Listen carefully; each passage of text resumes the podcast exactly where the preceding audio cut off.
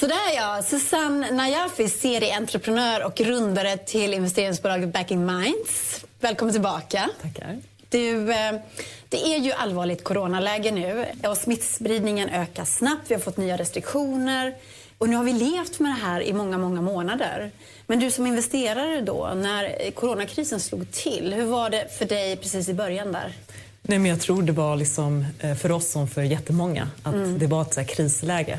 Mm. Så vi kollade ju med alla våra portföljbolag liksom, ja, men hur kan ni liksom titta på era affärsmodeller? Hur får ni liksom pengarna att räcka längre? Men eh, det man vet det är ju mm. att ur alla kriser föds innovation. Mm. Ta bara liksom finanskrisen 2008. Mm. Det blev ju en fintech-boom efter det. Liksom energikrisen på 70-talet med liksom alternativa energikällor. Så att vi såg också det här som en stor möjlighet för bolagen att liksom, ja, förändra sina affärsmodeller om det behövdes eller liksom köra. Och resultatet är att det har aldrig gått så bra. Faktiskt. Är det så? så Men det har vad har du för otrolig... Eh, bolag då i din portfölj som, som har fått en skjuts av den här krisen? Jag tror att den största skjutsen har varit en digital push. Mm. Och det är det som många har sett. Liksom. Ja, ja, dels e-handel som vi pratade om innan som, och liksom alla andra branscher. I vår portfölj så kan vi ta Transfer Galaxy som ett exempel. De har en, eh, ja, eh, som säga, en teknisk lösning för att, som ett Swish för utlandsbetalningar. Mm. Eh, och under liksom, corona så har ju eh, Western Union och all, alla andra aktörer varit tvungna att stänga ner liksom, sina kontor. Ja. Så det har blivit en liksom, explosionsartad liksom, tillväxt över hela Europa. Ja.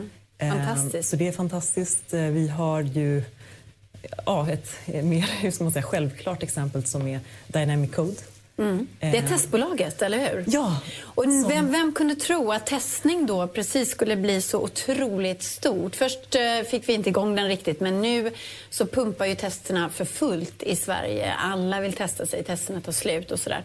Men när ni investerade i Dynamic Code så kunde ni knappast veta att en pandemi skulle dra över världen och att vi behövde en massa testresultat, eller hur? Eh, vi kunde ju inte veta att det skulle bli en liksom, pandemi men det vi såg redan 2017 eh, när vi gjorde massa analyser och sen eh, hittade liksom Anna och hennes team mm. så var det ju att liksom, diagnostik är liksom pusselbiten som har saknats mm. i liksom, sjukvård. Så man har sett utvecklingen av de eh, ja, men digitala vårdgivarna men även i den existerande vården. För att kunna liksom, leverera en vård som har hög kvalitet så behöver man kunna diagnostisera på mm. rätt sätt. Mm. Och eh, Anne själv hon jobbade ju på liksom svenska CSI. Just det. Typ. Statens väldigt, kriminaltekniska ja, laboratorium. och gjorde mm. väldigt mycket liksom DNA-tester. Mm. Eh, och bara, varför gör vi inte det här på levande människor? Och nu har hon själv tagit fram då liksom, eh, ja, så täcker nästan hela primärvårdsbehovet i diagnostik med tester för ja, halsfluss, eh, könssjukdomar, urinvägsinfektion och då också covid. Ja. Så nu i våras, alltså redan när liksom smittan hände där i Wuhan mm. så började hon själv ta, liksom, ta fram då ett test. Så hon tog fram eh, liksom det, världens första CE-märkta test mm. för aktiv smitta, PCR-test. Det är fantastiskt. Och idag hanterar ju Dynamic Code en stor del av Sveriges testning. Mm. Så man gör det då för flera regioner i Sverige. Mm. Och i början, när man började med det här då, i samarbete med Folkhälsomyndigheten och så där, så ja, hade man nästan hela Sveriges testkapacitet. Du, det är jättespännande. Eh, men jag tänker på det här med, med vårdbolag. Alltså eh, ett bolag som jobbar så tätt sammanknutet med den svenska vården. I techkretsar så beskrivs ju ofta den här delen av världen som ganska stel. Den, den drivs av stora organisationer, landsting. Vi har 21 regioner i Sverige. Vi har politiker som sitter på besluten och så vidare. Hur vågar du satsa i ett bolag som jobbar i en sån trögrörlig miljö? tycker ju många entreprenörer att det är. Men om man då utgår väldigt mycket från slutanvändare eller slutkonsument eh, så har konsumenten eller patienten redan mm. varit där. Alltså, man vill ha kontroll över sin egna hälsa, mm. Eh, men med kvalitet. Mm. Eh, och där tror jag liksom att det är väldigt mycket som behöver hända på flera håll. Mm. Men även liksom inom systemet. Mm. Det har varit väldigt mycket liksom fokus, speciellt i media, på liksom de digitala vårdaktörerna mm. som kanske agerar, alltså inte inom Nej, de försöker ja, agera precis. utanför. Liksom. Ja, men lite mm. utanför. Mm. Liksom. Men jag tycker att det borde vara mer fokus på de som eh, förbättrar vårt existerande system. Mm. Och det som saknas där är ju automatisering, diagnostik som vi har mm. sett. Som man kan, alltså alla förstår idag, efter liksom corona, att ah, varför ska kanske en 80-årig kvinna som har urinvägsinfektion ta färdtjänst och åka in? Mm. Men man kan ta testet hemma? Ja, testet hemma. Liksom. Så att nu har det här börjat liksom lossna. Mm. Och det är det som, som jag tycker är så himla spännande, liksom, att titta på bolag som automatiserar existerande system. Mm. Alltså hjälper till regionerna, ser till att mycket, ja, men all, att liksom allt det här jobb som görs manuellt mm. av läkare. Men, men du säger att det börjar lossna och jag tänker så här att vi har ju en väldigt lång väg kvar för att svensk vård ska bli digital och dra nytta av all den innovation som faktiskt finns. Vad skulle hända tror du om vården, den traditionella vården i högre utsträckning samarbetade med techbolag och innovatörer. Det är bara att se det här exemplet med Dynamic Code som nu hanterar liksom en stor del av testningen. Ja. Det är ett jättebra exempel på ett samarbete som verkligen funkar. Skulle vården ha klarat det själva? Alltså eh, utan eh, innovatörer? Nej, nej det, det, vet vi ju. Eh, vi har ju resultatet. Liksom. Utan det har ju varit andra bolag som har eh, hjälpt till med liksom, testningen. Mm. Eh, så jag tycker det behöver vara inte en lika skarp liksom, linje mellan det, den offentliga delen där mm. och liksom de här nya spännande bolagen. Mm. Men jag tycker det ja, som jag nämnde där, liksom nästan ännu mer spännande att se på de bolag som automatiserar existerande system mm. hos liksom regioner. Och där finns det liksom olika bolag, ta liksom, eh, Doktrin som går in i ja, men, eh, aktörer och hjälper till med ja, men, mm. anamnesupptagning och triagering. Just de här bitarna som vi har sett ja, men, ta inom e-handel, liksom mm. med, med lagren som vi liksom automatiserar. Det finns så mycket mer här som kan automatiseras mm. så att läkare har tid för patienter. Men vill man det då? Alltså det är där jag tänker. att Finns det inte ändå en konflikt här mellan sprudlande entreprenörer och techinnovation och det gamla gardet på eh, sjukhusorganisationer och så vidare. Hur ska man få ihop det här så att vi kan få en bättre vård? För det är ingen som tror att vi inte kommer få en bättre ja. vård om vi använder tekniska lösningar. Ja, jag tror att liksom, det handlar mycket om att man har olika perspektiv. Eh, liksom, I det offentliga så behöver man titta allting ur en populationsbas. Mm. Och i, i, de här liksom privata aktörerna de ser allting utifrån individen. Ah. Jag tror att man ska balansera de här två världarna. För vi vet mm. att konsumenterna de vill ha mer individanpassad liksom, hälsa och de vill själva ha kontroll över den. Mm. Samtidigt ska det vara kvalitet och re regelverk liksom, så att det inte kan ske till hux flux. Mm. Så att eh, den här avvägningen tror jag är viktig. Och liksom mm. De bolag som lyckas med den här avvägningen kommer liksom lyckas ge, ja, hjälpa. Liksom Men har du någon kritik som investerare mot, eh, mot sega strukturer av de som sitter och bestämmer kring svensk vård? Nej, men jag, jag tror att man ska använda sig av coronapandemin som mm. liksom en eye-opener för mm. hur man kan samarbeta och ta Ta testningen som ett exempel, mm. hur man kan samarbeta. Och det där kommer du använda nu i framtida pitchar mot vården. Kolla här, ja. vi hjälper ju till ordentligt. Ja. Men det kan vi se i alla våra bolag, liksom, att eh, våra bolag de går in och liksom, ja, men förändrar eh, branscher. Mm. För oftast har man sett ett liksom, verkligt problem som slutanvändaren eller slutkunden liksom, verkligen upplever. Och sen så går man eh, ja, den, liksom, det kommer ändå hända. Sen är frågan när. Ja, ja. Eh, du, eh, om vi går vidare lite då. Så Backing Minds, ni har ju ett fantastiskt syfte. Ni siktar ju in, brukar ni säga, på bolagen som blir bortglömda, entreprenörer som inte märks bland många andra investerare? Då. Inte bortglömda, utan missas av fel anledning. Okej, okay, missas ja. av fel anledning. Mm. Ja. Eh, och det här får ni såklart cred för, att ni lyfter entreprenörer som kanske inte har den traditionella bakgrunden. Men är det här också en nisch som inte är lika lönsam som bolagen som märks mer och så vidare? Tvärtom. Eh, vi, tvärtom ska jag säga. Det här är ju liksom rent också affärsmässigt eh, något väldigt smart. Jag, jag, nämnde där i början att det här är ett arbitrage som vi ser. Mm. För att nästan allt kapital Eh, det är svårt att få kapital om du inte är man, inte bor i Stockholm och inte har svensk bakgrund. Mm. Men jättemånga bolag som är superspännande där entreprenörerna är minst lika drivna startas ju av andra profiler. Mm. Mm. Och det här som är vårt arbitrage. För när vi går och tittar på de här bolagen så är det oftast inte lika mycket konkurrens. Så vi kan liksom maximera vår avkastning samtidigt som vi förändrar statistiken mm. och ger liksom fler entreprenörer nycklar till att bygga sina bolag och det är bra för hela Sveriges konkurrenskraft. Mm. Men samtidigt så är du ganska blygsam med att prata om siffror. Du vet att jag vill ju höra siffrorna. Alltså, hur bra går det för er? Nej, men det, det går superbra. Alltså, det superbra, går jättebra. men inga siffror? Nej, inga liksom, siffror. Nej, okay. Men eh, det är bara att se liksom, eh, ja, bolagens resultat talar för sig själva. Mm. Ta Trust Race som jag nämnde tidigare, eh, mm. eh, som var inriktade på modeindustrin. Nu har de landat ett av världens största eh, modevarumärken och blivit deras sustainability-plattform. De har gått in i food mm. och blivit också en av Sveriges största liksom, leverantörsplattform. Så att, eh, det är liksom dem. Vi har gått in i ett bolag som heter Boneprox mm. som går in i en supertraditionell bransch, tandläkarbranschen. Mm. Det har varit jättemycket fokus på liksom, hälsosidan men tandläkarsidan har glömts bort. Ja. Eh, och där går de liksom, via tandröntgenbilder och kan ge helt andra ja, diagnoser. Har du benskörhet? Jaha. Så när du går till tandläkaren som vanligt, det här mm. är den största screeningen vi har i Sverige. Då kan man få mycket pang för pengarna då hos tandläkaren. Då kan man få veta mer än bara om sina tänder. Ja, och det började där. Men under pandemin liksom så har de också varit liksom väldigt ja, försökt hitta andra liksom, affärsmodeller och då har de med hjälp av den plattform de byggt också kunnat erbjuda liksom, specialistvård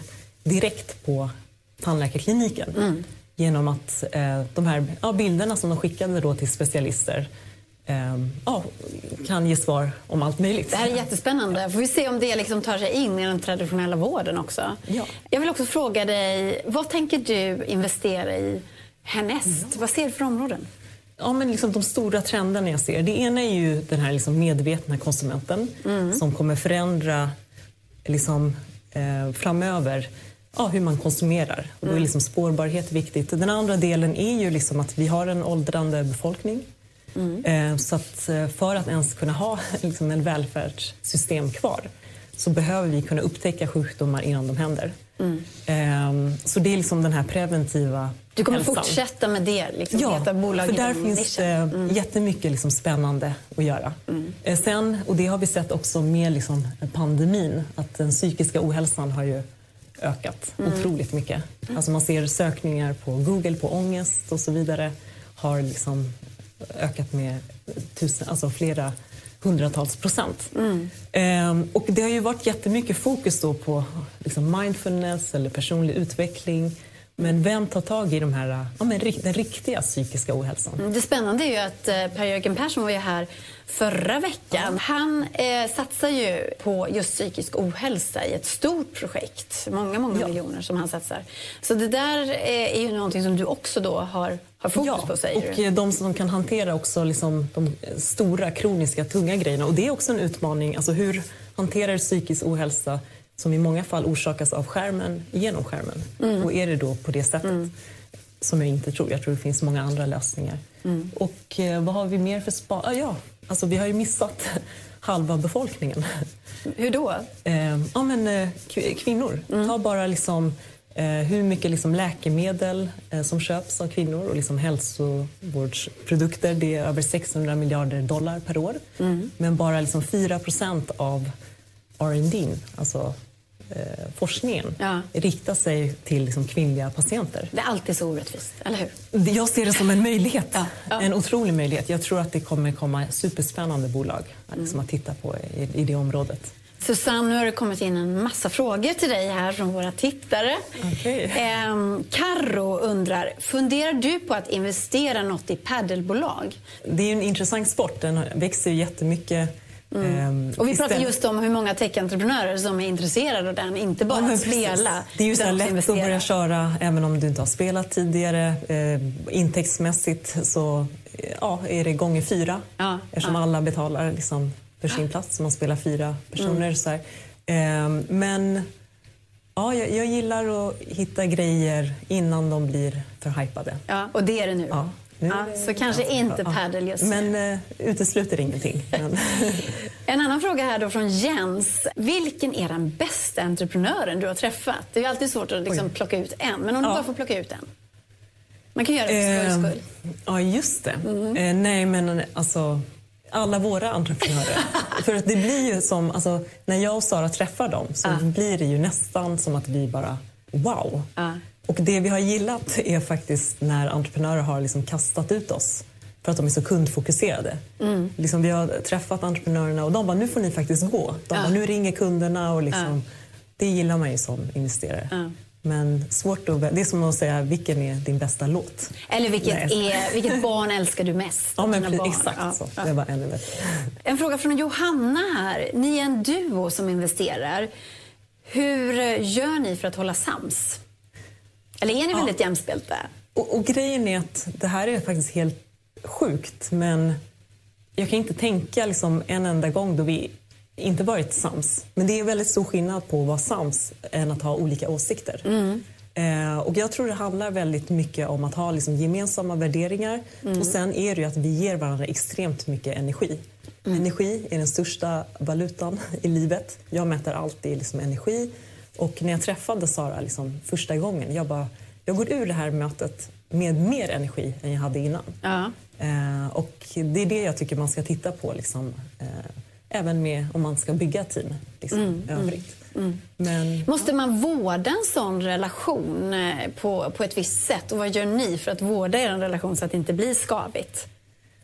Jag tänker på en förälskelse. Den är ju alltid skitlätt i början och sen så börjar det skava till sig. Men ja. det har inte hänt mellan er då? Nej, och jag och Sara har ju känt varandra i tio år och mm. jobbat liksom alltså supertajt. Alltså, mm. i, liksom, vad säger man? Eh, man har sin det är. Work spouse, eller man ja, säga. Så man har sin spouse hemma och sin work spouse.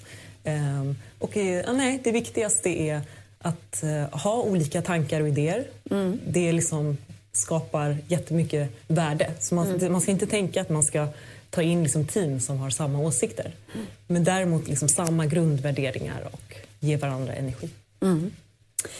Okej, okay. här kommer en annan fråga. Hur lyckades du få med dig några av Sveriges rikaste personer som investerare? Stenbeck, hm familjen Hur nätverkar du? Vågar du ge de här tipsen? Eller? Jo, men absolut. Eh, och det handlar väl om... Jag tror att min, alltså min första ingång till många nätverk var genom poker. Poker? Jag, ja, spelade liksom poker. Det var mm. där jag träffade liksom Sara. Vi träffades på ett finalbord det är den här kända påken som är på Rish, va? Eller? Inte på Rish, men ja, Investera-påken Ja, men precis. Mm. Investera-påken. Mm. Och där, det byggde liksom väldigt mycket nätverk. Men sen tror jag att man ska hela tiden se det som en fördel att man är en outsider. Mm. För om man är en outsider, då ser man liksom förändring före alla andra. Mm. Ehm, och tycker man att man har någon liksom riktig grym grej mm. så så kommer andra att nappa. Men måste man vara bra på poker för att synas i den här eh, investerarpåken så att eh, de här investerarna får upp ögonen för en? Var det det? Nej, nej. Det, det, är ett sätt att nätverka, men jag gillar det och mm. jag tycker det är liksom kul. Mm. Men, eh, ja. Att, du blir inte, ja. du blir inte så här lite skrämd av människor som har väldigt mycket pengar? Och som, som, utan blir du mer peppad när du träffar dem? Ja, liksom, jag tänker inte eh, på det sättet. Nej. Jag tror inte många liksom, eh, inser, utan många har ju sin vision och mm. man vill förverkliga den. Mm. Och hitta liksom, pers personer med bra liksom, värderingar och som också ser liksom, nyttan i den här mm. visionen. För mm. då kan man ju bygga något tillsammans. Mm. Så det tycker jag också många ska tänka på när man tar in investerare i sina bolag. Mm. Och sen ska man bara get yourself out there. Liksom. Att... Eh, ja, eh, fråga personer, kontakta eh, liksom, gemensamma nämnare så, mm. så kommer man komma fram. Det var inte så att vi, eh, varken jag eller Sara, kände våra investerare innan. Nej. Utan Men har du något knep då för att komma eh, inför dem, att få liksom access? För det måste man ändå få. Även om man har, är en väldigt driven person som du verkar vara så måste du ändå liksom ja. få träffa dem. Eh, och, och grejen att det är ju det här som gör att eh, investeringar ser ut på ett visst sätt mm. och att det inte liksom fördelas eh, det är att det är väldigt tajta liksom, nätverk. Och de liksom behöver luckras upp. Och ofta är ju vi liksom en brygga mellan de här olika världarna med våra nätverk och liksom öppnar eh, på det sättet. Och, ehm, Men var det svårt ja. att komma in och presentera de här bolagen för investerare? Eller fanns det ett stort intresse från början? Eller någonting som ni har skapat? Ja, men många av våra investerare har, sa själva att de bara, vi har letat efter någon sån här typ av initiativ. Mm. Eh, någon som kan ändra de här liksom, strukturerna. Mm. Och det är det vi också märker med många av våra bolag. De kommer liksom som helt nya, helt liksom outsiders och ändå lyckas ja, skapa förändring och gå in i liksom helt olika branscher. Mm. En snabb sista fråga från Ninja22 som undrar om du var entreprenör idag, eh, vilken startup skulle du dra igång då? Oh, Gud. Det, och det här är också en sån jättesvår fråga. För att mm. jag, jag, tycker ju att jag har ett drömjobb. För jag får vara med på så många liksom, entreprenörsresor. Mm. För att vi jobbar ju väldigt aktivt med våra bolag och liksom kollar de här stora trenderna. Och, ja, men på jakt liksom hela tiden. Mm. Så att jag, jag skulle faktiskt inte vilja byta. Utan jag vill köra som jag gör nu. Så jag är med på kanske ja, men tio liksom, entreprenörsresor samtidigt. Ja, ja det, låter, ja. det låter flådigt. Tusen tack Susanna Jaffi som är grundare på Backing Minds. Jättekul att ha med dig i Break It Life. Jättekul. Och hörni, Break It Life är slut för den här veckan. Jag heter Katarina Andersson och det här programmet det sponsras av Nordea och Almi Invest. Så se oss igen nästa vecka. 13.30 på torsdag drar vi igång. Hej då!